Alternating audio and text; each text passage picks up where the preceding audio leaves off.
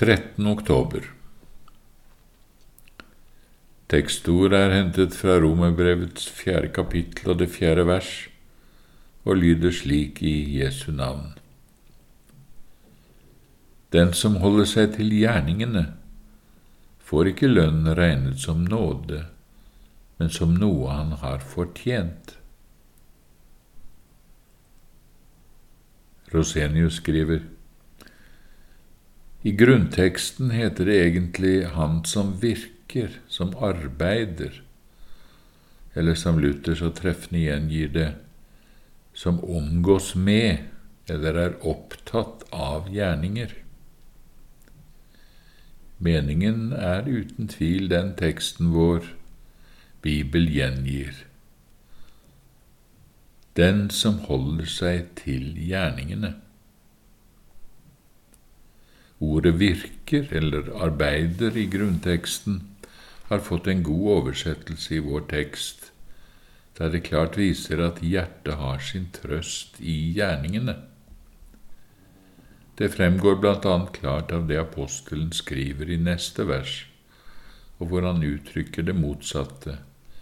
Men den som ikke virker, men tror på ham som rettferdiggjør den ugudelige. Der merker vi at ordet virker her betyr at hjertet har sin trøst i virksomheten, i gjerningene. Dessuten forstår vi at hvis hjertet var frigjort, hvis hjertet var dødet fra loven og i troen forenet med Kristus, da var virksomheten og gjerningene ikke noe hinder for rettferdigheten overfor Gud.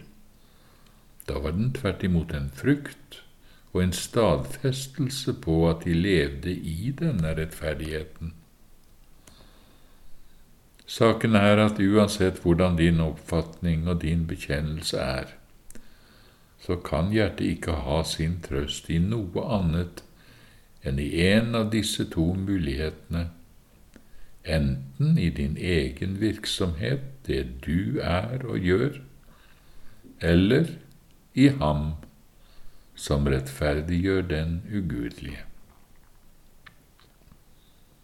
det vi fortjener ut fra vår egen virksomhet, og Guds nåde gjennom Kristus, de er rake motsetninger.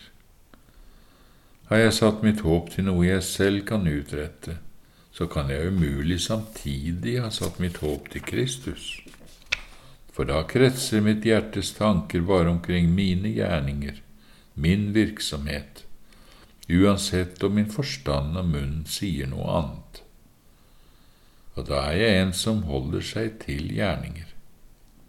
Av Gud får jeg da bare etter det jeg har fortjent, det som er ditt, som Jesus sier i Matteus 20. Han får ikke lønn regnet som nåde, men som noen har fortjent. Legg merke til dette. Den som arbeider, får lønn ikke nåde, men lønn. Har han helt og holdent utrettet alt slik vingårdsmannen for forlangte, så får han den avtalte lønn, og da behøver han ikke takke for den som for noen nådegave, for det er jo bare det han selv har fortjent. Og skulle han på den andre side ikke fullt ut ha gjort sin plikt, ja, så blir han holdt ansvarlig og blir straffet. Han får ikke noe som helst av nåde. Slik er loven. Den som holder seg til lovens vilkår, blir også dømt bare etter lovens vilkår. Og slik har vi også sett det forklart av vår Herre Kristus i lignelsen om arbeiderne i vingården. I Guds rikes vilkår gjelder en urokkelig regel. Der gis det ingen skånsel. Den som holder seg til gjerningene, skal lønnes bare etter det han selv har fortjent, og får ikke noe som helst av nåde. Dette kan synes svært hardt når kanskje et slikt menneske har gjort mange flere gjerninger enn den som ber om og får nåde. Men det hjelper ikke. Det ligger en streng og ubevegelig tone i Skriftens ord på dette området. Når en av arbeiderne klaget, ga ikke vingårdsmannen etter, men svarte, Ble ikke du enig med meg om en bestemt dagslønn? Ta det som er ditt, og gå bort. Samme knusende tonen bruker apostelen også i Romerne 9. Der er det jødenes ubøyelige egenrettferdighet og den fordømmelsen som dermed hviler over dem, som driver ham når han sier i den samme tonen Det hjelper ikke hvor mye dere arbeider og løper for å bli rettferdige. Dere har Guds utvelgelse mot dere. Gud har utvalgt bare den som tror, og har forkastet dem som er opptatt med gjerninger. Alt avhenger av Gud selv. Det kommer ikke an på den som vil, heller ikke på den som løper, men på Gud, som viser barmhjertighet når det gjelder hvem som skal bli frelst. Den som har strevet etter rettferdighet, har ikke fått den. Men de som ikke søkte rettferdigheten, de har fått den. Og hva var grunnen til det? Jo, fordi de første søkte rettferdigheten gjennom egne gjerninger. De fikk den ikke, mens de andre derimot, som tok imot den i tro, de fikk den. På samme måte taler han i Galaterbrevets fjerde kapittel. Der skiller han dem som søker frelse, i to flokker. Som bilde på disse to flokkene bruker han Abrahams to sønner, trellkvinnens sønn og den frie kvinnens sønn. De er dermed altså enten treller eller barn som han senere også kaller løftets barn. Og der forkynner han uten skonsel, driv ut trellkvinnen og hennes sønn, for trellkvinnens sønn skal ikke bli arving sammen med den frie kvinnens sønn. Dette høres jo hardt ut. Når de har arbeidet og trellet i lang tid, skal de likevel til sist drives ut